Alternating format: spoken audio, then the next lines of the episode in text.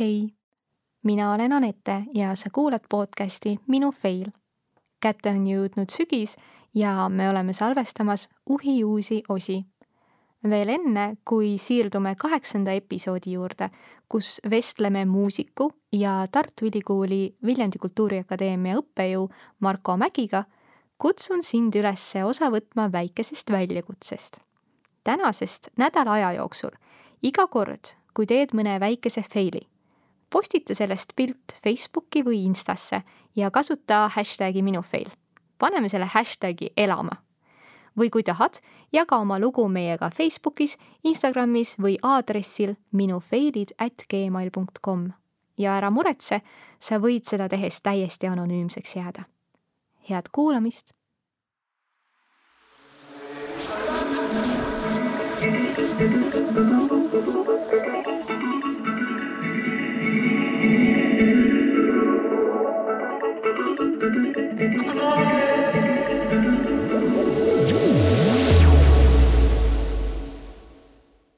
Me just rääkisime siin sellest, et äh, mis on podcast'i ja raadiosaate vahe ja ma tahaksingi ühe kana nagu kohe siin äh, nii-öelda saate alguses ära kitkuda. et kui ma sind, Marko, kutsusin saatesse, siis äh, sa vastasid mulle, et vaatame, et mida sa suudad minust välja pigistada.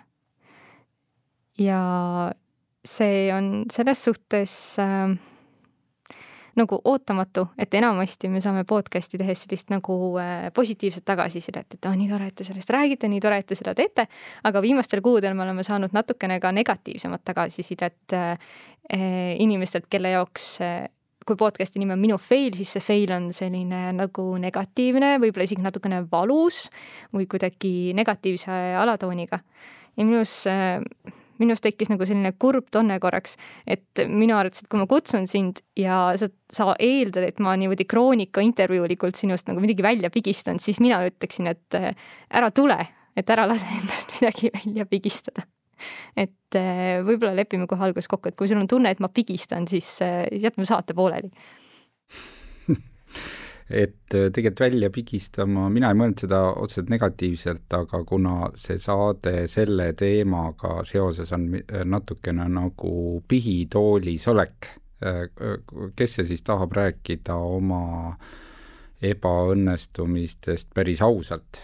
Äh, ja siis ma mõtlesingi, et prooviks olla siis suhteliselt aus, aga, aga siis selle jaoks peab natukene pigistama, et et äh, noh, osavalt, et selline, ütleme, pigistame jutumärkides. ja kui ma ei oleks tahtnud siia tulla, siis ma oleks sulle kohe öelnud, et ma ei, tegelikult ma ei tule. nii et järelikult ma olen ikkagi nii edev, et ma tahtsin tulla rääkima ka siia no see on see, miks podcast'id üldse, üldse eksisteerida saavad ja tunneks inimestes natukene edevust on. aga samas, aga miks sa ütled, et inimesed ei taha oma vigadest rääkida või, või kas sa arvad, et ei taha? See on vist üldse meie niisuguse edukultuuri osa on ikkagi, et sa pead äh, näima edukas ja ega mina kõik ka ei taha võib-olla oma tuttavate sõprade kõigi niisugusest hämarast poolest äh, väga palju teada, et äh, et minu arust see on inimlik, et me oma kõiki nõrkusi ja ebaõnnestumisi ei ei ava, et selle jaoks ongi nagu äh, religioosses maailmas olemas pihitool ja see on väga konfidentsiaalne, see vestlus äh, ja, ja selle, seda on inimesele tegelikult väga vaja, seda pihitooli äh, ja kahjuks siis meil see, mis katoliiklastel on iganädalane või igakuine äh, see pihtimise harjumus siis meil luterlikus maailmas, kus ma, mis kirikus ma ise olen, on äh, see piht on pigem harv äh, ja väga juhuslik. Mhm.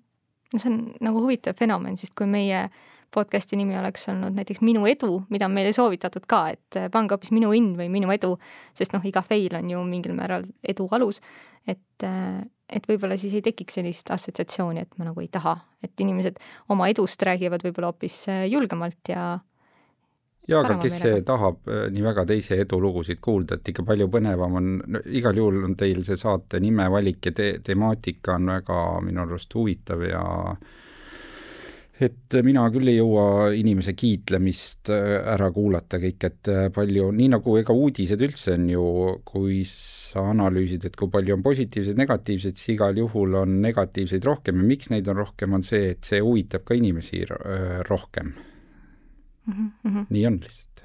me oleme kuidagi oma seal mingi kurja juurikas on meil sees, et tahaks muudkui aga teada seda negatiivset poolt.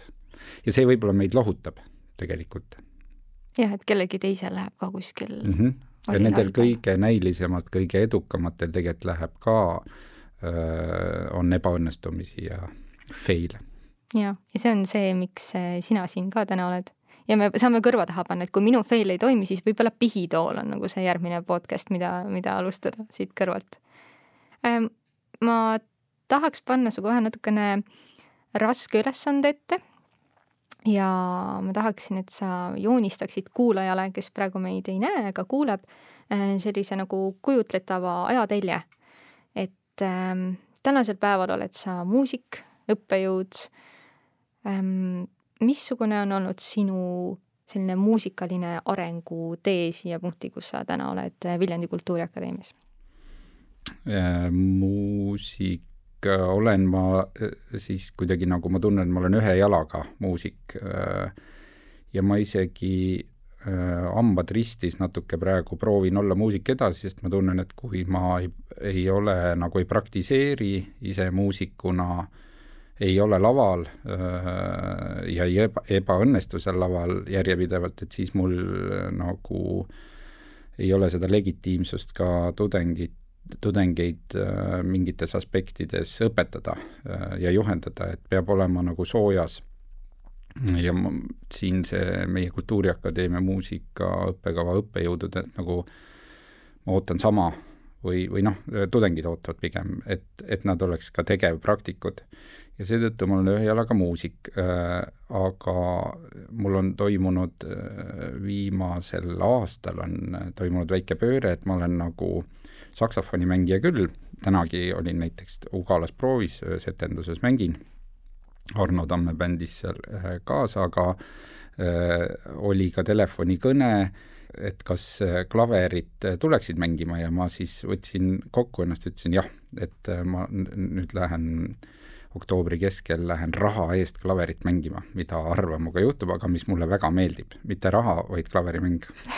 Väga meeldib ja siis ühesõnaga ma olen muusikali, siis muusikaliselt natukene nagu äh, lõhestunud kahe pilli vahel, aga kiires korras siis tulles kronoloogiliselt tagasi, et siis äh, ma olen sellesama Kultuuriakadeemia ise lõpetanud kunagi äh, siis äh, magistrikraadi, siis ennem seda džässmuusika erialal siis rakenduskõrghariduse äh, ja ennem seda siis olen kõik Eesti muusikakoolid üldse läbi käinud äh,, Muusikaakadeemias ei ole käinud, aga Elleri koolis käisin ja Otsa koolis käisin ja Pärnu lastemuusikakoolis käisin, et ähm, aga muusika ja vist kunstis on üldse nii ja paljudes teistes alades ka, et et sa õpid ju kogu elu nagunii, et nagu ei ole õpingute ja see arenguperiood ei ole veel läbi.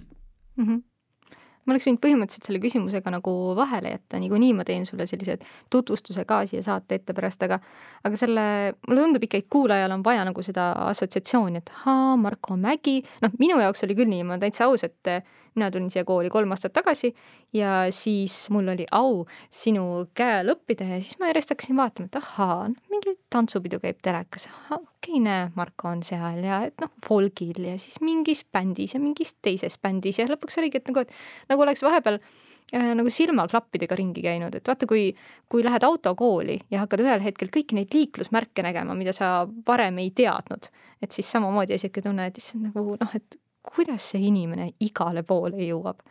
et siis ma tahaksin tekitada võib-olla kuulajates sedasamat tunnet nagu, et kes veel ei tea, siis äh, see igale poole jõudmine on ju niimoodi, et kõik salvestub, mis iganes, mida sa ei tee, siis äh, kas ta on teles, raadios, äh, sotsiaalmeedias ja siis ja ta kuhjub järjest ja siis võib-olla jääbki mulje, et kuidas inimene igale poole jõuab, et aga tegelikult on ju äh, üks päev teed ühte, teine teist ja vaikselt tuleb, koguneb kontole mm. -hmm. kui sa enda kontot vaatad ähm,, missugused on sellised ähm, kõige võib-olla uhkemad kohad sellel kontol või, või ma ei mõtlegi isegi uhkust, ma mõtlen sellist, et kus sa oled olnud kõige rohkem äh, rahul, ükskõik, kas siis me räägime koosseisudest või koolidest ähm,. mis hetkel oled sa tundnud, et ma olen täpselt siin, kus ma nüüd olema pean ja teen seda, mida ma väga armastan? no et kui me räägime ametialaselt mm,, siis on hoopis minu äh, kirg ja pigem ka sellega seotud õnnestumised on pedagoogitöö. Et ma tegelikult muusik oma hinges ei ole ennekõike muusik, vaid ennekõike olen õpetaja ja mulle meeldib ka tei-, teisi õpetajaid juhtida. see on tuntud ütelus ju, et et kui sa asja teha ei oska, siis hakka õpetama ja kui sa ei oska õpetada ka, siis hakka juhtima. et äh, see on, äh, min-, minuga täpselt nii on aga ma tunnen, et ma õpetajana praegu ka äh, järjest lähen paremaks ja siis, äh, et minu õnnestumised on seotud õpetamisega, näiteks kui ma meenutan kuus aastat tagasi, ma lõpetasin töö Viljandi muusikakoolis, kus ma olin kümme aastat õppealajuhataja, siis see periood oli minu jaoks kindlasti üks suur õnnestumine. Ja ma sain ennast teostada ja sain ka tunnust toetust oma siis töökaaslaselt ja, ja ülemuselt, et see kõik oli väga hästi mm. -hmm. ere hetk, ere kümme, ere kümnend mm. -hmm. ja kui võtta selle nii-öelda lõhestunud isiksuse teise poole, siis muusikuna, kuidas, mida sa sellel puhul tunned? muusikuna on, ma olen õnnelik, et ma sat-, sattusin tegelikult sinna pärimusmuusikasse, sest kui me hakkame ebaõnnestumistest rääkima, siis, siis ma džässmuusikuna kindlasti olen palju vähem, kuidas öelda, vähem teostanud ennast ja, ja siis see kogu see pärimusmuusika maailm, mis siin seoses Viljandisse tulekuga minu juurde tuli, et äh, noh, kõige pikemalt ma olen mänginud ja siiamaani veel see koosseis äh, mingil määral toimub, on ansambel Roo Toro koos äh, Silversepa, Marek Taltsi, Sandra Vabarne ja Kätliniga, et see, see võib-olla ka on üks muusikaline õnnestumine suure tervikuna minu arust mm. -hmm. me peame rääkima enne ebaõnnestumist natukene edust ka ähm,. mis asi on sinu jaoks edu, millal sa tunned ennast edukalt või kas sa pead ennast edukaks inimeseks või kas sinu jaoks on üldse tähtis ennast pidada edukaks inimeseks mm,? jah, siin ma oskan ainult tüüpilisi vastuseid ka anda, et äh, edukas ma tunnen, et ma olen siis, kui ma otsustan, et ma seda olen, et kuna objektiivset edu mõõdupuud ei ole olemas, nagu ka noh, minu arust edu võiks siis olla väike võrdusmärk äh, sõnaga õnnelik, olemine. et kui üks inimene, võtame näiteks õnnelik, et siis ta ju on edukas, isegi kui meie eduga seostub näiteks materiaalne äh, mingisugune rikkus, finantsrikkus äh,, et äh,, et ja kui tal seda ei ole, aga ta on ikka õnnelik, siis ta on ju edukas äh,. ja siis, äh, kas ma olen edukas, siis kuna ma tunnen tänasel hetkel, et äh, et ma olen õnnelik ja äh, patt oleks mitte olla mm, kõige minu elu terviku juures, et siis ma olen edukas mm. -hmm. hea vastus. kui tähtis on sulle, et sind teataks? oli äh, kunagi tähtsam äh,, kui ma olin veel harjutasin kolm tundi saksofoni unistusega, et ma olen äh, festivali pealavadel, on äh, minu ansambli kontserdid ja, ja ma sain ka aru, et selleks, et olla muusikuna edukas nagu liidrina, äh, selle koosseisu liidrina või solistina, siis sa pead olema ka tuntud ja see oli oluline, aga siis, kui ma sain aru, et ma ei saa tuntuks, siis ma ühel hetkel tajusin, et oluline on olla tuntud kolleegide seas, sest äh, kolleegid on tegelikult, kolleegid muusikud siis on need, kes sulle tegelikult tööd pakuvad. Mm, ja noh, siis ma oma selles nišis ühel hetkel olin piisavalt tuntud, et äh, tööd jätkus. aga nüüdseks hetkeks, et äh, mul on väga palju äh, väga kuulsaid sõpru ja siis kuidagi nendega koos olles on isegi, ma tajun, et äh, neil on see tihti koormav ikkagi. Mm, ja ja seetõttu ma võib-olla ise seda enam ei igatse, aga võib-olla ma praegu valetan. No sinu puhul ongi nagu põnev see, mis mulle vähemalt tundub, noh, sind nagu natukene guugeldades ja teha, tehes mingisugust taustatööd, et sa ei reklaami ennast või kas sa nõustud? jaa, me seda teemat oleme jälle sõpradega väga palju arutanud, et äh, kunagi Sandra, kui see hakkas sotsiaalmeedias, niisugune elementaarne oli, et muusik hakkab ennast seal Facebookis ja mujal äh, kõvasti üles töötama, et siis äh, mulle ja paljudele sõpradele oli jube äh, võõras see enda upitamine ja, ja Sandra, ma mäletan, lõhkus neid barjääre ja hakkas siis väga niimoodi, ütleski, et seda teeb seda lihtsalt strateegiliselt, mitte mingisugusest edevusest ja ja eks see alati on nagu läbi põimunud ka, aga mulle see on olnud kuidagi vastumeelne aga samal ajal äh, minu arust on, äh, muusik peab ikkagi ennast äh, rohkem ise tänapäeval reklaamima, tegema seda kõike ja kui mul oleks praegu mingi niisugune sooloprojekt, Marko Mägi asi, mida ma tahaks ka noh, müüa või tutvustada maailmale, siis ma kindlasti enda tegemistest kuulutaks palju rohkem. et lihtsalt praegu nagu ei ole otsest vajadust mm, -hmm. no, praktilist ongi, vajadust. see ongi selline natukene kurb äh, asi tänapäeva äh, maailma juures, et sa kuidagi, kui sul nagu veebileht ei ole, noh, me tunneme seda praegu väga äh, jõudsalt ka, ka enda podcast'iga, et ehitame veebilehte üles, aga samas, kui sul veebilehte ei ole, siis sa nagu ei olegi keegi või et sa ei saa kellegi juurde minna ja öelda, et näe, loe, mida me teeme, kui see on paberi peal, keegi ei võta sind nagu jutulegi. et see on, see on natukene naljakas, ma ei, ma võib-olla isiklikult ei ole selle poolt, aga Äh, samas ei ole, see on reaalsus, ma arvan, mis on olnud äh, kuskil New Yorgis või äh, metropolides üldse kultuuriinimesena hakka hakkama saamisel on olnud see kogu aeg olukord, mida, millega tuleb kohaneda ja kus sa pead pressima. äh, et meile on see kõik, väikses Eestis on nii lihtsalt, tuleb kõik käi-, äh, kätte, et äh, sattuda presidendi roosiaeda on, äh, on niivõrd lihtne igal kultuuritegelasel, et aga jõua sa siis ähm, Joe Bideni roosiaeda USA-s. et, et see ongi, me peame harjuma sellega, et, et kunsti on ja kultuuri on ülearu ja kõik, mis me teeme, vähemalt minu lähtekoht on see muusikuna olnud, et see, mis me teeme, on ennekõike mu enda rõõmuks ja siis sa võid rõõmus olla, kui keegi veel tahab seda kuulata ja, ja, veel enam selle eest midagi maksta mm. -hmm. ma läheks veel korra tagasi eelmise küsimuse juurde. sa ütlesid, et varem oli sulle tuntud olemine tähtsam, kas sa mäletad, millal see hakkas muutuma või kuidas? Mm.. võib-olla see hakkas muutuma siis, kui ma oma muusiku unistused, muusikuks öö, olemise unistused hakkasid nagu vaikselt kõrvale jääma, et ma sain aru, et öö, see muusik, muusik olemine ei ole minu tee ainult. ja siis, nagu ma ennem ütlesin ka, siis muutus kuidagi, et see ei olnud nii oluline.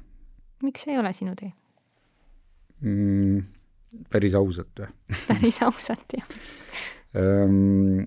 ma siis olen oma pedagoogi teel ja muusiku teel kohtunud äh, nii paljude väga-väga äh, andekate inimestega, et siis ma sain aru, et äh, ma olen küll ka andekas, aga ma ei ole see väga andekas ja ja kuna ma ütlesingi, et muusikuid on nii palju nagunii ja neid väga superandekaid on juba väga palju, et las siis need teevad rohkem, et ma teen seda ühe jalaga, nagu ma ütlesin mm. -hmm. aga kas sa tunned, et sa õppejõuna oled äh, kuidagi andekas või on sulle nagu rohkem antud, et, et just, olla hea õppejõud?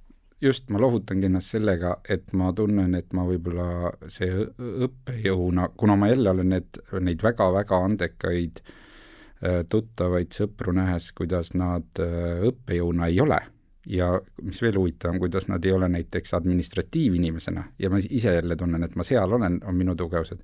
et äh, ma lahutan ennast sellega, aga on ka siis äh, olemas niisuguseid, kes on väga-väga andekad muusikud ja veel paremad õpetajad, et ka neid on olemas, et igasuguseid mm. -hmm no see on väga hea, sest nüüd ma saan vaikselt nagu sinna eksimuste poole ka teemat tüürida. Äh, mina olen isiklikult kuulnud ja näinud äh, kuidas inimesed sind õppejõuna kirjeldavad ja see on tihtipeale see, et sa oled selline pingevaba ja et sa lubad eksida ähm,. aga ometi iga inimene ei oska seda ju teisele inimesele õppejõuna edasi anda, et õpilane võib eksida. ja noh, mina olen ise tõesti näinud, kuidas, kuidas inimene, kes pool aastat tagasi ei osanud veel klaverit mängida mitte, mitte ühegi sõrmega, on ju, poole aasta pärast oskab, siis ta on sinu saanud endale klaveriõpetajaks mis on lihtsalt amazing ja oh. ma olen nii kade Rõõm kuulda, on aga küsimus oli, et äh, kuidas küsimus sellest tuleb mm, -hmm. et kuidas sa tekitad teistes inimestes seda tunnet, et äh, eksimine ongi õppimine või et võib eksida või, või et, et see on okei okay. mm,? jah, kuidas ma tekitan, on ikkagi, ma proovin tekitada ini-, et igas olukorras, kas siin praegu või tunnis, et inimesel ei oleks ju halb olla, on tegelikult üldse niisugune suur üldine äh, meie, võiks olla meie kõigi eesmärk aga ometi, ometi nii paljudes tundides on inimestel halb mm -hmm. olla. et võib-olla siis need õppejõud äh, või õpetajad vahel ei teadvusta seda omale, aga kuna see aine, mis ma õpetan, näiteks muusikateooria on tihti ka keeruline, siis äh, seal tuleb leida see tasakaal, see on väga keeruline muuseas, kui õpilane tunneb ennast väga mugavalt ja ei karda, siis hakkab ka see äh, laiskus teda kohe näpistama, et äh, et vahel on vaja just autoriteedi tekkimiseks, et ei ole nii mugav ja mõnus tunne ja turvaline ja rahulik, et et ma ise tegelikult olengi mõelnud, et ma olen vahel liiga pehmo. ja teisest küljest jälle kuulates, rääkides inimestega, kes on välismaal õppinud, Rootsis ja nüüd sa ise ka, et sa võid oma kogemust ka jagada, siis seal pigem just nimelt ollakse inimlikumad kui meie süsteemis, et mul üks tuttav just on USA-s praegu keskkoolis hoopis, ütles, et et äh, jube raske on ja kõrge tase on, veel Alaskal, Elspet Tiitus, äh, ja ütles aga, et õpetajad kõik on nagu äh, sõbralikumad, nagu et ei ole seda niisugust hierarhiat ja meil siin õppejõududega just on koosolekutel olnud, et vii-, just viimasel nüüd õppeaasta alguses, et me peaks hoidma ikkagi pigem tudengitega barjääri, äh, et nad, et niisugune akadeemiline väärikus äh, säiliks, et et ma ei tea, kumb see õige on, aga ma arvan, et see lõpuks on iga selle õppejõu hoopis natuuris kinni ja ta ei saa väga olla teistmoodi, kui ta on inimesena. On sul midagi, mingid kindlad tehnikad või meetodid, mida sa äh, mida sa teed tunnis, et äh, tudengid tunneksid ennast hästi? ei ole niisugust äh, ikkagi noh, eesmärk on anda oma ainet kuidagi ju süsteemselt, läbimõeldult, aga et, et ma mõtleks tundi tulles, et kuidagi, et Anette Samler oleks rõõmus ja rahulik, et nii ma otseselt ei mõtle, et mis ma, mis ma, mis ma teen, aga, aga üldiselt ma olen nagu, pean ennast ka mm, humoorikaks inimeseks ja siis väike huumor võiks olla ka igas olukorras äh, olemas ja see juba on ka, võtab pinge maha mm. -hmm aga mis võiks olla sellised äh, üks-kaks äh, põhilist viga, mida sa oled näinud, et inimesed või õppejõud teevad? Et, ei tule need nagu, et nad ei saa tudengeid endaga nagu ühte paati või et, et nad tunnevad ennast kuidagi kehvasti mm.? ma mõtlen, milline on üldse näiteks kas või siin see meie väikse muusikamaja õppejõududest üks ideaalõppejõud ja, mm, ja siis see, ma ise arvan ka, et ta on, aga siis läbi aastate, aastate tudengid on teda pidanud üheks kõige paremaks õppejõuks nii ametlikus tagasisides Rõisis kui ka vestlustel. mis sa arvad, kes see on? üks naisterahvas? Seile Roose. just, et ja kui me nüüd, see, mis me siin rääkisime, vaatame seda Celia Roose perspektiivist, siis äh, tema näitel, siis äh, ma ei tea, kas on seal mugav ja mõnus olla tunnis, ei ole minu arust ju, ta on ju üsna hirmuäratav jah, sest sa tead, et sa saad temalt väga otsest tagasisidet. just, et näed, et see, see ei olegi alati tore, et on seal see mõnus olemine, et ja siis ja meetodite peale mõeldes ma just isegi peaks kaaluma vähem seda chill'i olekut, et aga mis siis ta heaks teeb, ei ole ka see, see mingisugune, ta ei taha ise sugugi hirmuäratav olla, vaid mis sa ütlesid, see, mis sa ütlesid, oligi õige, et, et sa saad sealt tema käest äh, nagu, sa usaldad teda, ta on nõudlik ja ta on, tunneb asja ja lõpuks on see mingi karisma, mis töötab. sa võid mm -hmm. mõelda ükstapuha välja mis tahes süsteeme ja käia kursustel ja öeldaksegi, et ega pedagoogiks ei saa õppida, vaid sünnitakse, et noh, nii jälle võib iga asja kohta öelda mm. -hmm. no teine asi on muidugi äh, aine sisu, et minu jaoks on äh, üks väga kindel selline küsimus seal õisi tagasiside küsitlus, mille järgi ma kuidagi enda jaoks äh, tagasivaatavalt otsustan, et kas aine oli nagu hea või mitte. ja see on see küsimus seal, millele kõik tudengid peavad vastama. kas see aine pani sind intellektuaalselt proovile? ja kui ma tunnen, et pani, siis ma, siis mulle jääb selline nagu noh, siis ma panen sellele sellise kvaliteedimärgi külge ja kui ma tunnen, et noh, võib-olla tore aine, aga intellektuaalselt, intellektuaalselt ei pannud proovile, siis äh, noh, minu jaoks oli nagu selline tore ajaviide.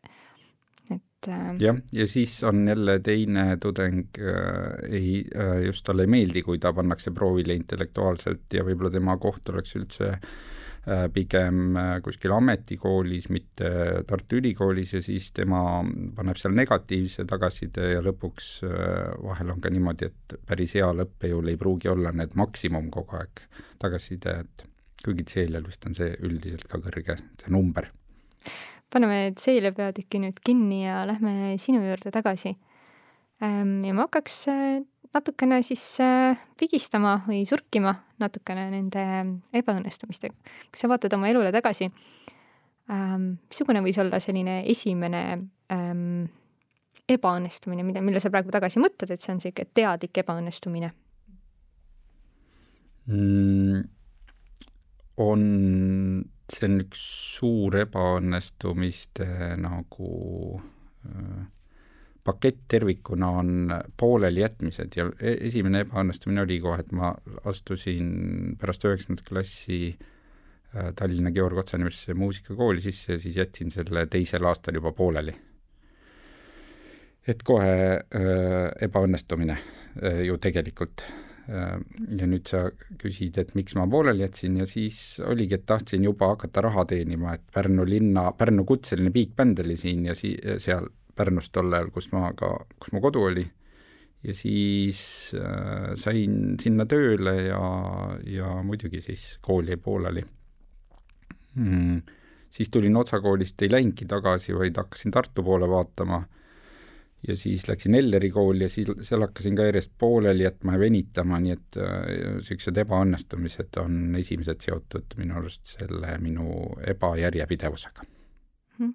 miks see, miks see sai juhtuda, miks see oli lihtne pooleli jätta mm,? ikka inimene on nõrk ja muud, siin tudengid jätavad ka muudkui aga pooleli äh, ja kuna ma olen ise nii palju pooleli ära, jätnud asju, siis ma Äh, tunnen äh, ära ennast seal ja et ma ütleks, üheksakümmend protsenti on ikkagi see äh, nõrkus, laiskus, tahtejõuetus, neid on harvem pigem, neid niisuguseid adekvaatseid põhjendusi, miks ma võtan nüüd aasta vabaks et suur enamus on lihtsalt, sa tüdined ära muusikat tulla õppima kas noh, otse Ellerisse või, või siia, kõik tundub alguses ju väga põnev, lustakas ja tore. aga siis, kui hakkad ikkagi, pead äh, hakkama nühkima ja need tundide viisi harjutamised ja ja veel igasugused teooriad, värgid, tüdined ära, lihtsam on, kuna see ei ole ka veel näiteks kõrgharidus ju ei ole, keegi ei sunni sind käima nagu põhiharidus, üldharidus, siis äh, väga lihtne on võtta üks akadeemiline, et ma tahan natuke ennast tuulutada, järgi mõelda, aga üldjuhul ma ei ole sealt midagi head ei ole tulnud ja ega minu elus ka minu arust, kui ma oleks, ei oleks pooleli jätnud, ma ei usu, et oleks midagi tähendab, oleks kindlasti paremini läinud see haridustee. kas praegu tagasi vaadates see, et sul on pooleli jäänud midagi, on sind kuidagi takistanud? jaa mm,, ongi, et kui ma ei oleks juba siis Otsa kooli pooleli jätnud, siis ma tõenäoliselt oleks läinud oma selle kitsama erialaga, milleks oli džässmuusika, nagu jõulisemalt edasi, ma oleks äh, tõenäoliselt sattunud äh, välismaale õppimina, õppima, mis on jälle üks siis üks minu elu suuri ebaõnnestumisi, et ma ei ole suutnud realiseerida seda, mida sina just tegid palju õnne, et olla semester või äh, kaks välismaal või üldse lõpetada seal kõrgkool ka. et see oleks kohe kindlasti olnud äh, tõenäolisem miks see sinu jaoks on ebaõnnestumine või mi, mis hetkel, kas see on olnud mingisugune suur unistus või see on midagi, mida teised on teinud, miks sa defi-, miks sa defineerid seda, et sa pole välismaal õppinud ebaõnnestumisena? jaa, see on olnud mu suur unistus tegelikult seal õppida ja äh, välismaal oma niisugusel mingi arenguperioodil välismaal õppimas äh, käimine on juba tuhandeid aastaid vana, see ei ole praegu mingisugune äh, viimase aja lihtsalt Euroopa Liidu teema, vaid äh, juba keskajal. Ja ennem seda juba äh, käidi ikkagi noore mehena või noore mehena just siis, noore naisena ei käidud. Et noore mehena käidi õpipoisiks välismaa meistrite juures ja ja muidugi see on ju soov, kui sa tahad oma erialal äh, meisterlikkust saavutada, aga noh, ma ei räägi sellest üleüldisest niisuguseks isiksuse küpsemisest, et mida välismaal olek ja seal hakkama saamine äh, tähendab, et noh, ma olen siiski sattunud reisima päris palju muusikuna ja päris pikki reise teinud, et siis ma olen nagu natuke saanud nuusutada seda, olles äh, kuu aega peaaegu järjest siis ühes riigis, aga et ikkagi võõrkeelses keskkonnas aasta otsa õppida, et see on seda ma soovitan praegu ka kõigile tudengitele ja, ja ma ei tea ühtegi tudengit, kes on käinud ja pärast kahetsenud, et miks ma läksin. raisatud aasta. jaa, see on tõsi, mina ka ei ole. aga sa räägid äh, sellest, nagu oleks hilja, nagu oleks juba liiga hilja äh,? Hilja on äh, et hetkel aastaks minna ja teisest küljest liiga vara, et äh, me oleme abikaasaga arutanud, et kui lapsed on gümnaasiumiealised juba, et siis äh, võiks võtta küll ühe näiteks aastakese, kus töötada ja elada välismaal. et selles mõttes ei ole hilja, aga hetkel on siis liiga vara mm. -hmm. no samas Tuuli Roosma võttis oma lapsed ja käib igal pool, on ju jah, see on juba niisugune elukunstniku teema, et ma, minus nii palju seda seiklusjanu ei ole mm. -hmm. no eks see on väga keeruline ka, ma kujutan ette äh,. kui sa saaksid praegu homme minna, kuhu sa läheksid? väga hea küsimus, sest äh, minu unistuste reisi sihtkoht on olnud juba mitukümmend aastat äh, Jaapan ja Tokyo ja mis minuga juhtus äh, siis kaks tuhat Äh, millal see oli, kakskümmend äh, veebruarikuus, olime kontsertreisil Brüsselis ja äh, ma kuulsin, et mul üks soo-, sõber elab Soomes ja ütles, et ta läheb Tokyosse mais, siis eelmise aasta mais. ja läheb sinna kuuks ajaks ja tal on Tokyos, võttis korteri ka, et ja ma ütlesin talle, et kuule, et ma tulen ka siis nädalaks äh, sinna. Ja ta ütles muidugi, et, äh, et ta on ise tohutu Jaapani fänn ja oskab jaapani keelt, ma ütlesin väga tore, teeb mulle sissejuhatuse. Ja ostsin naksti piletid ära Finnairilt. Ja need on siiamaani realiseerimata, nii et äh, koroona pärast siis, et mm -hmm. ootavad seda aega, et nii et minu unistuste riik oleks see, aga sinna ma aastaks vist ei julgeks planeerida ja tõsi. ja praegu on üldse, koroona on selles suhtes ikkagi pannud asjad paika, et äh, ei ole see ikkagi üldse nii lihtne ka praegu minna, kui Eesti on tõesti punane kõikides näitajates, et ka, ka paariks päevaks minna jälle, jälle on probleem. ja mina olen ka reisimisele praegu tõmmanud äh, üldse kriipsu peale, et äh, siin oli plaan minna Erasmusega nädalaks ühte Hispaania Vigosse kõrgkooli, et kõik see natuke lükkame edasi, et rahune maha, vaatame siis eks ta mõistlik on. kui nüüd pooleli jätmiste juurde tagasi minna, eh, kas siis tagasivaates praegu sa tunned, et oligi ebaõnnestumine või missuguste õnnestumisteni see mm, poolelijätmine sind on viinud või kuhu sinu elus mm,? ma olen ka tõesti selle üle palju mõelnud ja jälle tundub liiga lihtne on, et iga ebaõnnestumine tegelikult ongi hoopis võib-olla õnnestumine, et et aga siiski ma näen seal ka mingisuguseid positiivseid aspekte ja üks minu ebajärjepidevus ongi viinud selle noh, tüdimus saksofonist on viinud siis selle eelpool mainitud klaverini, ega see omakorda on viinud ka Elleri muusikakoolis, hakkasin muusikateooriat õppima, mille ma siis muidugi loomulikult pooleli jätsin ja siis hakkasin õppima päris klaverit, millega ma loomulikult pooleli jätsin et aga see kõik kokku on andnud mulle mingi suurema pildi ja teadmised klassikalisest muusikast, džässmuusikast, nüüd siin pärimusest, et see kõik kokku mul tundub, et mul on päris lai see muusikamaailma pilt ja mis annabki mulle ka võib-olla niisuguse enesekindluse praegu siin ka neid erinevaid stiile ühendava muusika õppekava juhtimisel mm. -hmm. sa ütlesid, pooleli jätta on, on kuidagi lihtne ja, ja et ka siin tudengid jätavad.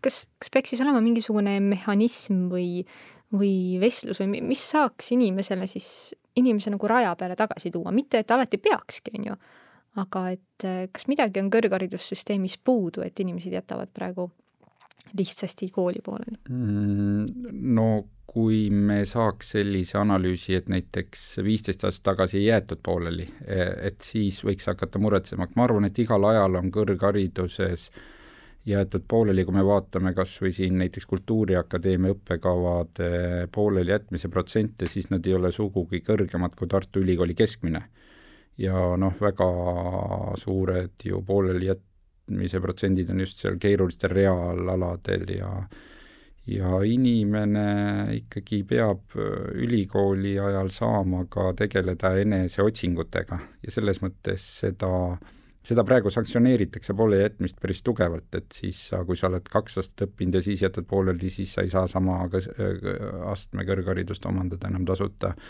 Ja nii edasi, et ma nüüd mingisuguseid äh, Äh, karistusmeetmeid ühtegi juurde küll ei teeks ettepanekut, et äh, tehtaks, mm, aga, ja ka vestlus on selline asi, et ma olen palju vestelnud selle akadeemilise või soovijaga või poolelijätte sooviga, siis reeglina nad on ikkagi nii veendunud ja see tundub nii magus jätta kõik see kohustused maha ja minna näiteks reisima või olla lihtsalt vabalt, et ma arvan, et see on paratamatu ja õnneks siis tegelikult tullakse väga palju ka tagasi.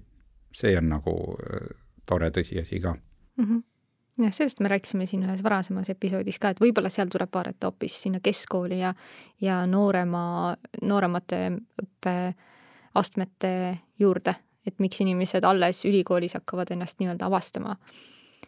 aga räägime ebaõnnestumistest edasi, missugune on olnud selline ebaõnnestumine elus, mis on jätnud sinusse mingisuguse suure jälje või millest sa oled väga palju õppinud just? Äh, nüüd lähme isiklikumaks, et äh, üldse elu üks suuremaid ebaõnnestumisi ja samal ajal ka väga suur õnnestumine on siis, mis seostub abieluga, et ma olen teist korda abielus ja siis, et see esimene abielu ka luhta läks, on äh, ju mingis mõttes ebaõnnestumine, et sa ikkagi äh, justkui ei saanud hakkama selle abielu eluga. aga kuna esimesest abielust mul on väga tore poeg ja kogu see praegune suhtlus ka esimese abikaasaga on väga tore ja kõik meie kärgpere on isegi haruldaselt hästi saab läbi et siis ma äh, ei julge seda pidada tervikuna ebaõnnestumiseks.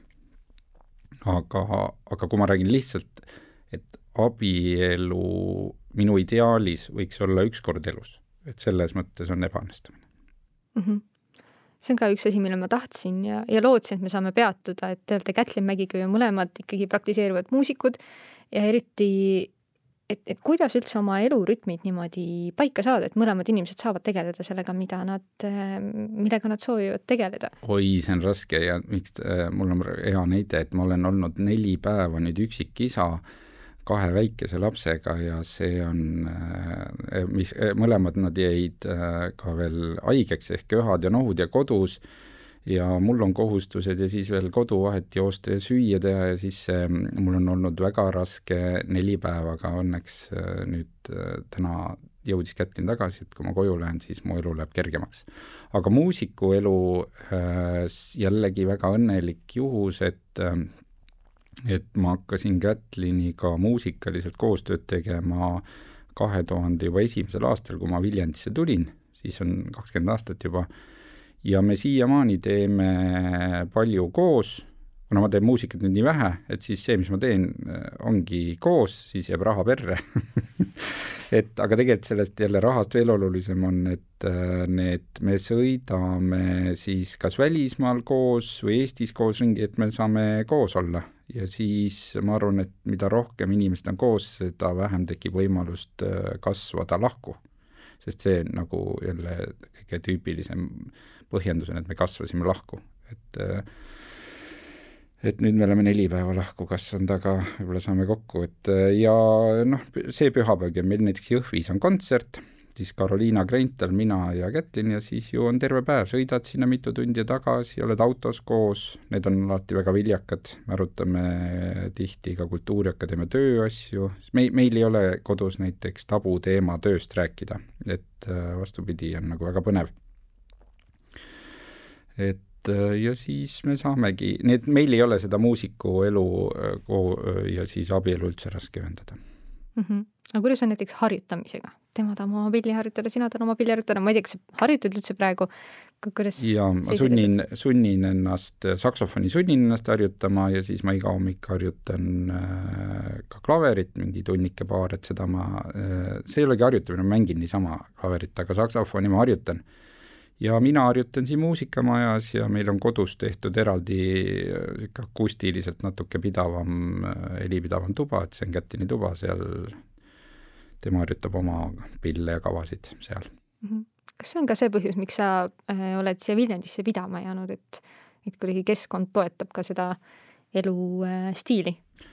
mina olen Viljandisse jäänud pidama ainult Kultuuriakadeemia pärast, kuna Kultuuriakadeemias on mu töö noh, Viljandi muusikakoolis oli ennem, siis samal ajal paralleelselt oli ka Kultuuriakadeemias, et et ma väga, ma mingi Viljandi nagu tohutu fänn ei ole, et ma hea meelega elaks ka Tartus, Tartu on mu lemmiklinn ja seal ma ka seitse aastat elasin, aga nüüd, kui siin pere lastega, siis äh, küpses eas rahuliku ütleme, maha rahunenud inimesena on see ideaalne linn oota, küsimus oli, mis see oli nüüd?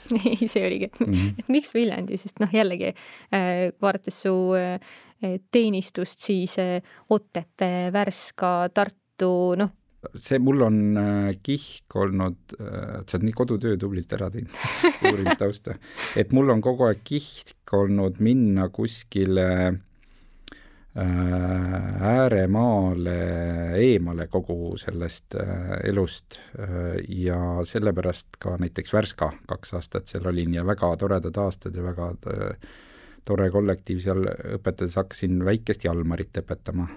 Jalmar oli minu klaveriõpilane ja tema räägib küll mulle siiamaani kui halb õpi-, õpetaja, ma olin, et ma olin siis noorem ka ja siis tema tuli, üheksa-aastane Jalmar tuli äh, jalkatrennis digisena mulle tundi, ei viitsinud, ei tahtnud ka üldse seda klaverit ja siis, siis mängis mingit igavat klassikapala, aga mina olin oma äh, mingisuguses äh, nutiseadmes tollal, tol ajal juba olid mingisugused mul mingid peenemad seadmed, mis, milles ma istusin ja siis ta registreeris selle ära, jäi meelde küll, et, et ma olen olnud ka väga halb õpetaja.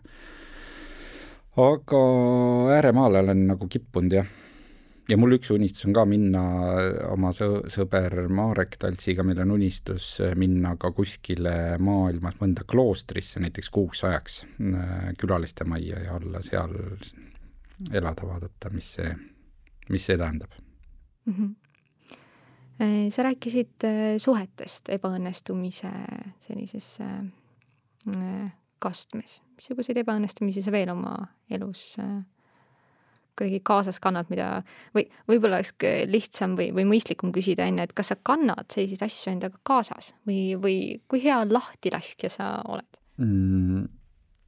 ma olen küllaltki hea lahtilaskja, et aga ma olen nüüd maininud nagu pigem minu jaoks väga suuri ebaõnnestumisi, aga aga kõige suuremad ebaõnnestumised on hoopis igapäevased väiksed ebaõnnestumised ja neid on minul väga-väga palju. Näiteks äh, ma äh, tahan hommikuti vara ärgata ja ärkangi, aga siis ma äh, vahel ebaõnnestun, et ärkan mitte kell viis, vaid ärkan hoopis kell seitse, nagu täna juhtus, aga noh, see see ei ole mulle probleem, et et ma pigem olengi hommikuinimene, aga siis ma mõtlen, et äh, kohviinimene ju kahjulik ei ole, aga noh, et võiks kahe tassiga piirduda ja siis ma avastan ikkagi lõunal, et ma olen viis tassi joonud, jälle ebaõnnestunud, ma ei taha nii palju juua, ometi joon.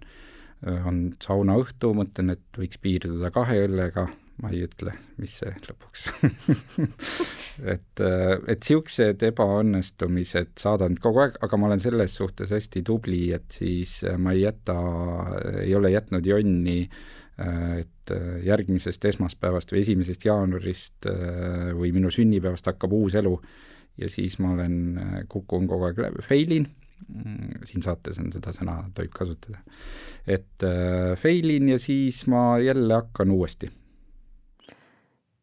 kuidas sa suhtud ebaõnnestumisse, just sellistesse väikestesse oma elus, mida sa ütled endale, kui sa saad aru, et läks halvasti mm,? missugune see sisekõne on? sisekõne on, et appi, milline pehmo ja lödipüks sa oled, et kuidas sa siis nüüd jälle et äh, päris äh, kõva kahekõne käib, et äh, ja siis see osa minust, kes riidleb selle nõrga osaga minust, et tema on väga tubli, tema üle ma olen uhke, aga siis ähm, noh, ega ma pean selle nõrga endaga leppima ja edasi elama, et aga ma olen proovinud küll, et saaks rohkem seda mõistust ja tahet äh, nagu selle nagu keha peremeheks äh, saada, et aga see on pidev töö meie kõigiga, ega see ei ole, ma ei ole selles suhtes eriline ju. et, ähm, et neid tugevaid, tugevaid on ju väga vähe. aga minu, ma arvan, et see on ebaõnnestumine, tõeline ebaõnnestumine, kui sa lepid selle nõrga või halva osaga endas ja lööd käega, siis see on kurb ja see on, see ongi ebaõnnestumise definitsioon, ma ütleksin. ma tahtsin ka just öelda, et kui ikkagi juba kahekõne käib sul peas, siis minu jaoks on see küll väga tugev märk. et, äh, et minu peas on küll olukordi, kus ei käi kahekõne, vaid käib see, see piitsutav osa ainult ja, ja see teine on, et magab ja ei ütle midagi vastu. ja need on minu jaoks ka väga kurvad olukorrad, kui ma nagu endale ei suuda ära põhjendada, et äh, kui ma ei suuda ennast kaitsta nagu iseenda sees võiks ju osata enda eest seista, aga vahepeal, eriti õhtuti hilja või mingi väga suure väsimusega ei suuda ega sellega. sisemise dialoogiga peab olema ettevaatlik ka, et sealt võib skisofreenia välja kasvada et kui väga palju endaga sees vaidled.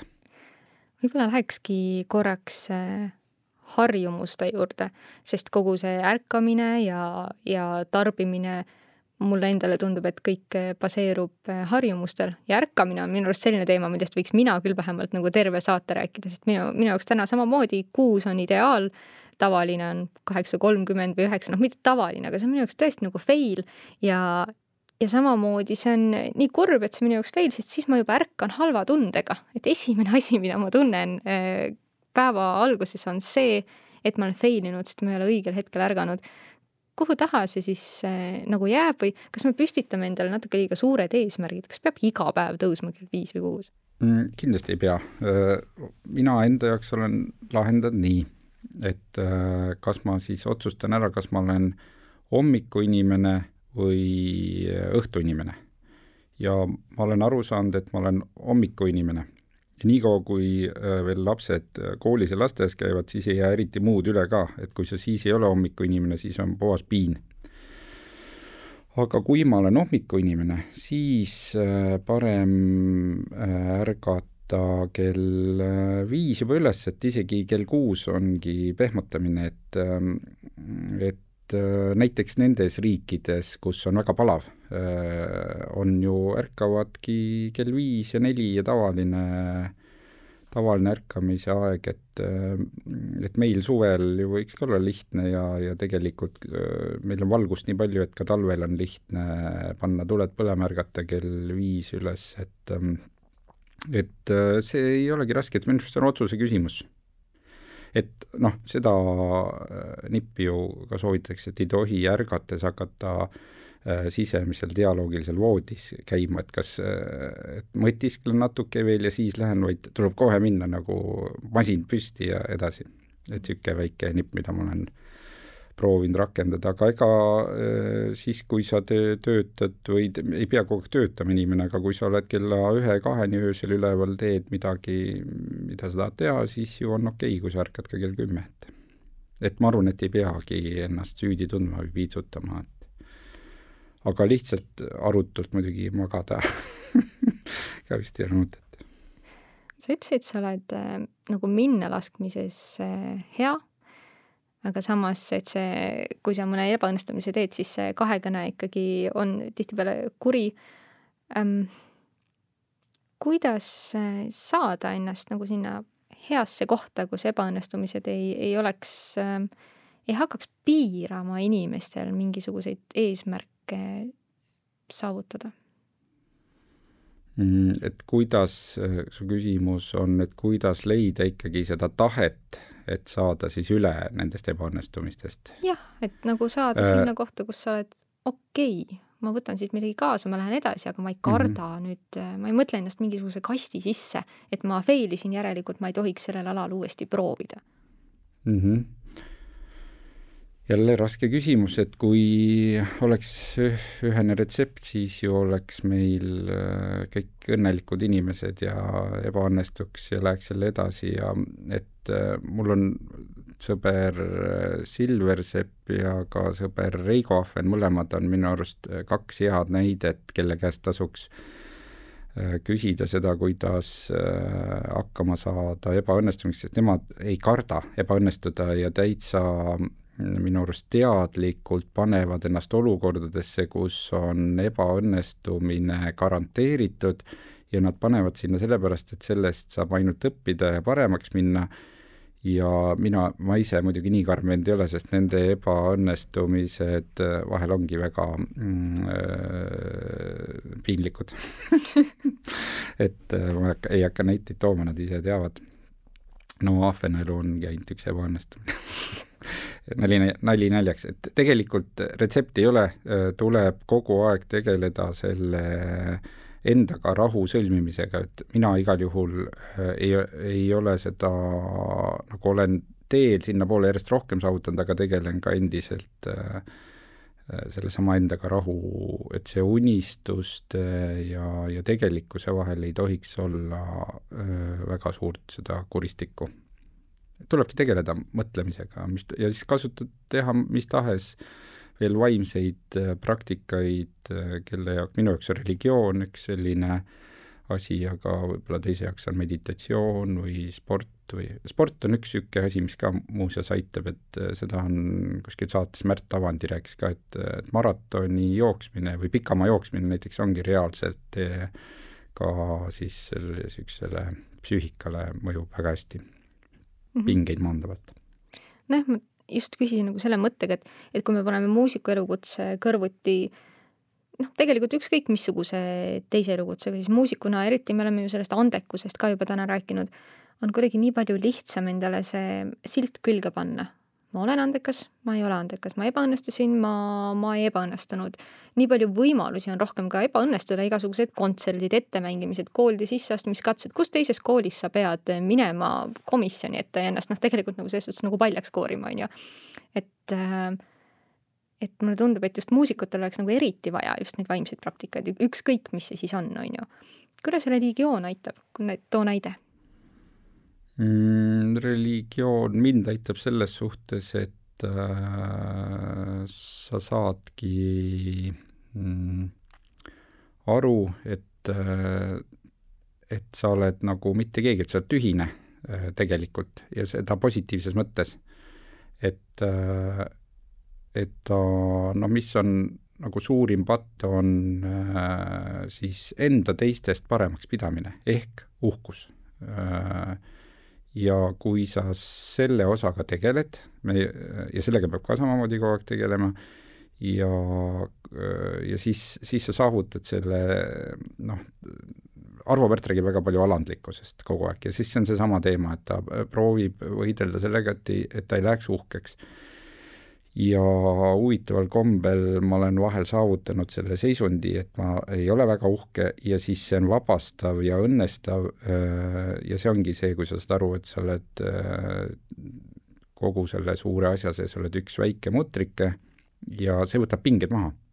et ja siis sa ei karda ka tegelikult ebaõnnestuda, sest et, äh, et kõige suurem ebaõnnestumine ongi sul äh, ju ebaõnnestumine Jumala ees, aga mitte teiste inimeste eest, et see eestlaste suur häda ja minu enda ka terve elu on olnud, et kogu aeg, mis teised minust mõtlevad. et ja see on just eestlastele väga omane, mitte kõigile teistele rahvastele. ja siis sellest peame ka püüdma äh, nagu rohk- äh,, vabaneda, sest et äh, et meie jaoks mingi ebaõnnestumine võibki olla see, kui teised mõtlevad, et äkki teised mõtlevad must kuidagi halvasti, aga teisi tegelikult ei huvita sinu elu üldse nii palju, kui sa ise arvad, et teised sinust huvitatud on. no sinuga vesteldes sa oled täpselt needsamad märksõnad välja toonud, millest, mis meid ajendab seda tegema. kõigepealt edukultus ja, ja seejärel sellised väiksed vead Äh, nagu sa tõid välja, mis iganes kohvi joomine või, või äh, ja ka naer ja, ja huumor. et äh, noh, minu arvates me võiksime küll need pisikesed vead panna nagu enda kasuks mängima, noh, kasvõi näiteks sotsiaalmeedia abiga, et äh, et kui juhtub nagu mingisugune pisike asi, mida sa muidu peaks fail'iks, aga noh, pildista siis üles, paneme, ma ei tea, hashtag minu fail juurde ähm,. ära nagu karda neid asju, et noh, las siis olla, las teised ka teavad, aga noh, tegelikult see, et teised teavad, ei olegi nii tähtis, see on see, tähtis on see, et sa ise nagu julged äh, jagada. mul oli näiteks minu väike õde ähm, hiljuti pani vist Instagrami üles siukse video, kus ta mängis kitarri ja laulis ja ta, tema ise ütleb, et noh, et ta ei ole nagu musikaalne, ei oska kitarri mängida, ta on nagu väga kriitiline selles suhtes äh,. aga ometi pani selle video üles ja minu arust nagu see suur õde lihtsalt nagu, mul nagu sisemiselt plaksutas tema üle, et nii tore, et sa paned sellise video üles, kus sa tõesti nagu otsidki seda, mis A-molli järel tuleb, on ju. et ei pea alati mm, presenteerima seda kõige mm, kõige ägedamat või kõige, kõige viimast äh, versiooni jah, et see, nagu ma enne ütlesingi, see ongi eestlaste probleem ka, et et täna vaatasingi Facebookis, minu sõbrad Sandra ja Jalmar olid pannud ka väga koleda pildi endast üles meelega kõigile, et et tulebki nagu vabaneda ja lõdvestuda, et mitte ainult seda kõige paremat mina ilmtingimata endast näidata. samal ajal ei saa see kuidagi ma-, masohhistlikuks või fetišistlikuks ka mm -hmm. minna, et see on muidugi, sellised väiksed asjad, mille üle eh, võib-olla saab naerda ja, ja läheb päev hoopis äh, paremaks, mitte halvemaks. Lähme natukene, tuleme sealt failimise august välja, lähme natuke kergemaks. Äh, mida sa praegu oma elus kõige rohkem naudid, mis sind, mis sul hinge toidab?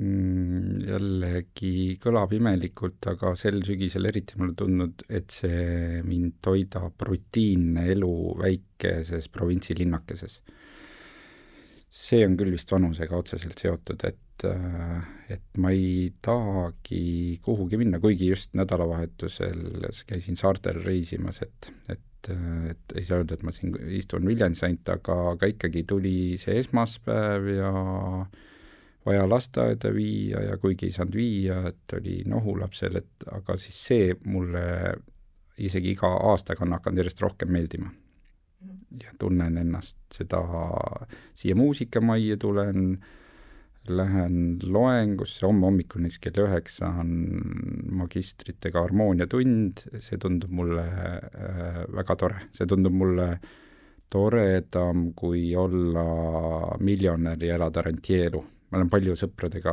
õllelauas arutanud seda, et kui keegi saab kolmsada miljonit, et mis ta siis teeks ja ma olen jõudnud järjepidevalt selle tulemuseni enda puhul, et ma ei muudaks peaaegu mitte midagi. et seda tasub, seda toredat la-, lapsikut mängu ja küsimust tasub kõigil, ma soovitan teha, et see annab vastused mõnelegi küsimusele ja võib ka rahustada. aga võib-olla võib ka vastupidi mõjuda. mina tunnen ka seda, et see rutiin tuleb kuidagi vanusega või vähemalt täna esimest korda ma hakkasin mõtlema selle peale, et kogu oma ülejäänud elu ma olen otsinud sellist elustiili, mis ei oleks rutiinne, sest see annab mulle vabaduse. ja siis täna hakkasin mõtlema, et kui hea oleks, kui ma saaks vahepeal käia üheksast viieni tööl, sest siis mul ei oleks eh, valikut. aga ainult sel juhul, kui see üheksast viieni töö on äh, see, mis mulle meeldib äh,. meeldib jah ja., et kui äh, no ma näiteks täna olin ja eile päev otsa Ugalas proovis ja tegelikult seal ma kogu aeg vaatasin, äh, äh, patt tunnistada, aga vaatasin kella, et millal see juba läbi saaks. et äh, ja siis ma mõtlesin, et ma näiteks seal teatris näiteks muusikuna siis ei suudaks töötadagi iga päev. aga siia muusikamajas, mis ma teen, ehmatusega vaatan, et juba on kell pool kuus, et ma pean ära minema mm. -hmm. me jõuame saate lõpuosa juurde ja siin äh, mina loen sulle ette lause alguse ja sina saad lõpetada lause oma esimese vaimuvälgatusega. meil on mõned uued küsimused ka ehm,. esimene, minu kõige uuem harjumus või oskus on? Äh, ma kirjutan ühte äh, isiklikku niisugust religioossete mõtete raamatut ja proovin iga päev seda teha. üks asi, mida ma naudin, aga mis pole mulle kasulik mm,? alkohol. mind kõige paremini iseloomustav muusikapala on mm.?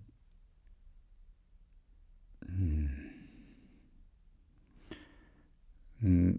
Arvo Pärdi Credo on niisugune kolmeteistminutiline teos, et et mis lõ-, lõpeb ilusasti et kolmest minutist nagu sinu iseloomustamiseks ei piisa? ei, kolmteist. E, üks raamat, mida üks inimene kindlasti lugema peaks, on? noh, ma ei hakka ju siin ütlema, et see on piibel, äh, kusjuures sellest võiks pikalt rääkida, et mi-, äh, et millises, et kui alahinnatud on tegelikult Äh, piibel, arvestades, mida ta Eesti kultuurile, kirjakeelele ja kõigele on mõju avaldanud, aga las ta olla, et et aga raamat, raamat äh,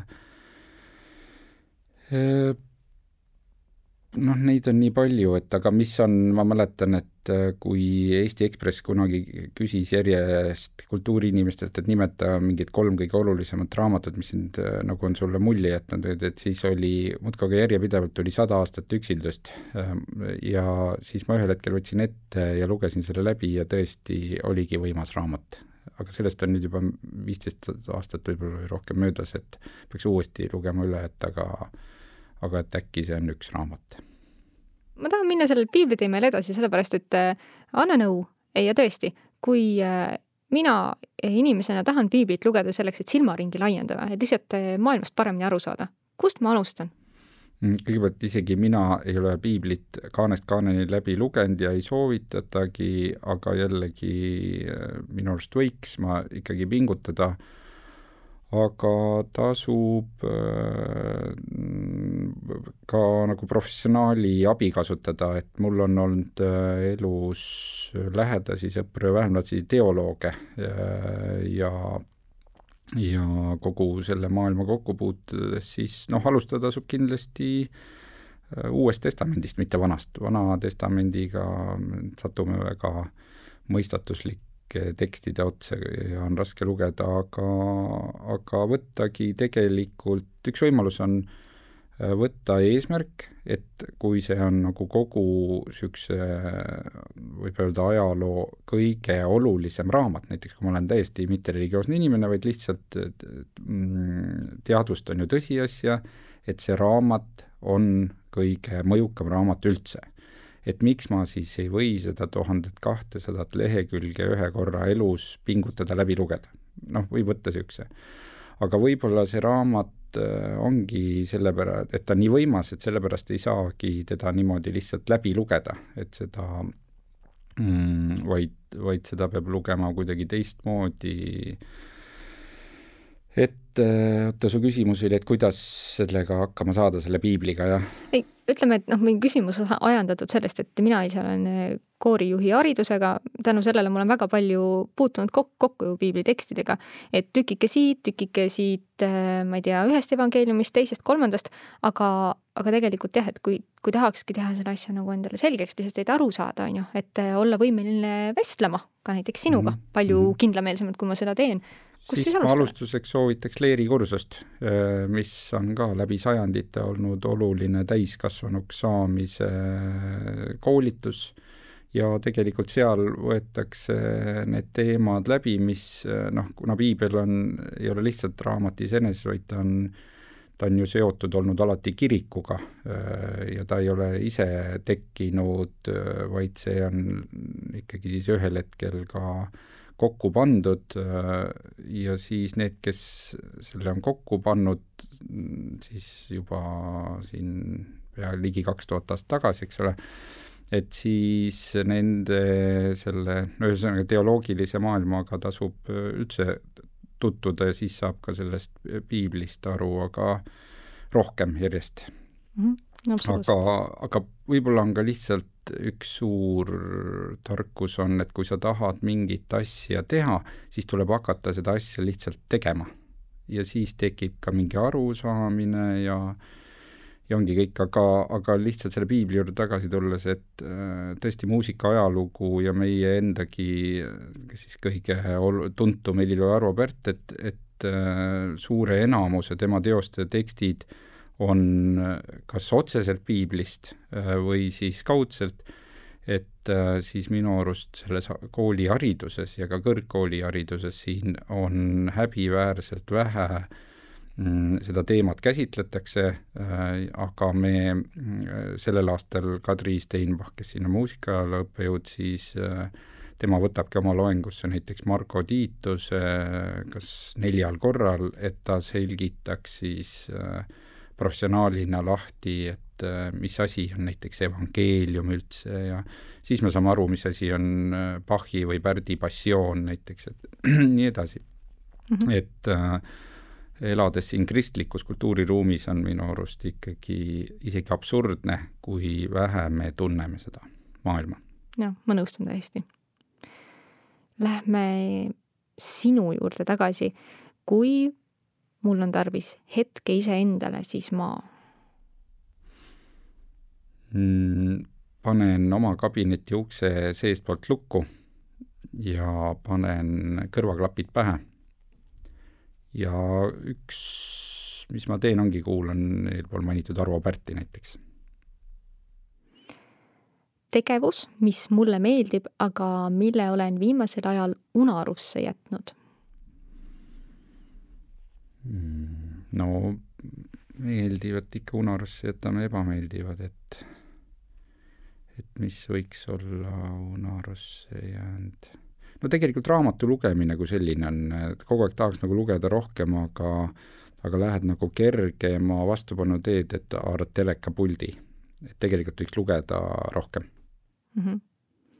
Lähme nüüd võib-olla tagasi natukene selle ähm, Äh, surelikkuse ja, ja sellise alandlikkuse äh, juurde. Äh, üks asi, mille järgi ma soovin, et mind mäletataks mm,.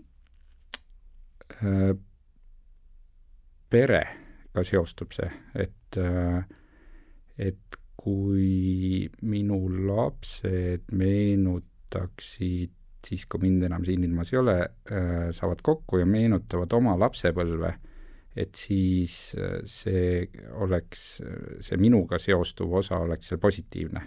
et äh, see võiks olla üks niisugune unistus mm. -hmm. aga üks asi, mida ma kindlasti ei taha oma elus tegemata jätta mm.? Mul oli see, oli äh, nii niisugune lihtne asi, mitte lihtne, aga niisugune mm, äh, maratoni jooksmine. ma sain sellega hakkama. et aga nüüd ma ei ole, mul praegu noh, nagu me eelpool rääkisime, et võiks ju äh, näiteks siis äh, oma ärajäänud välismaal elamise ellu viia, et ma jään siis selle juurde mm. -hmm. kui ära käid, siis äh, tuled uuesti saatesse ja räägid, kuidas oli? jah. Äh, ja viimane äh,, praegu olen ma tänulik. See on hästi lihtne küsimus, et tänulik olen ma selle, isegi selle eest, et me siin praegu vestleme. Ja, ja tänulik olen selle eest, et nii tore päev on olnud hommikust õhtuni nii et pole aega olnud süüagi. et selle igapäevaelu õnnestumiste üle ma olengi tänulik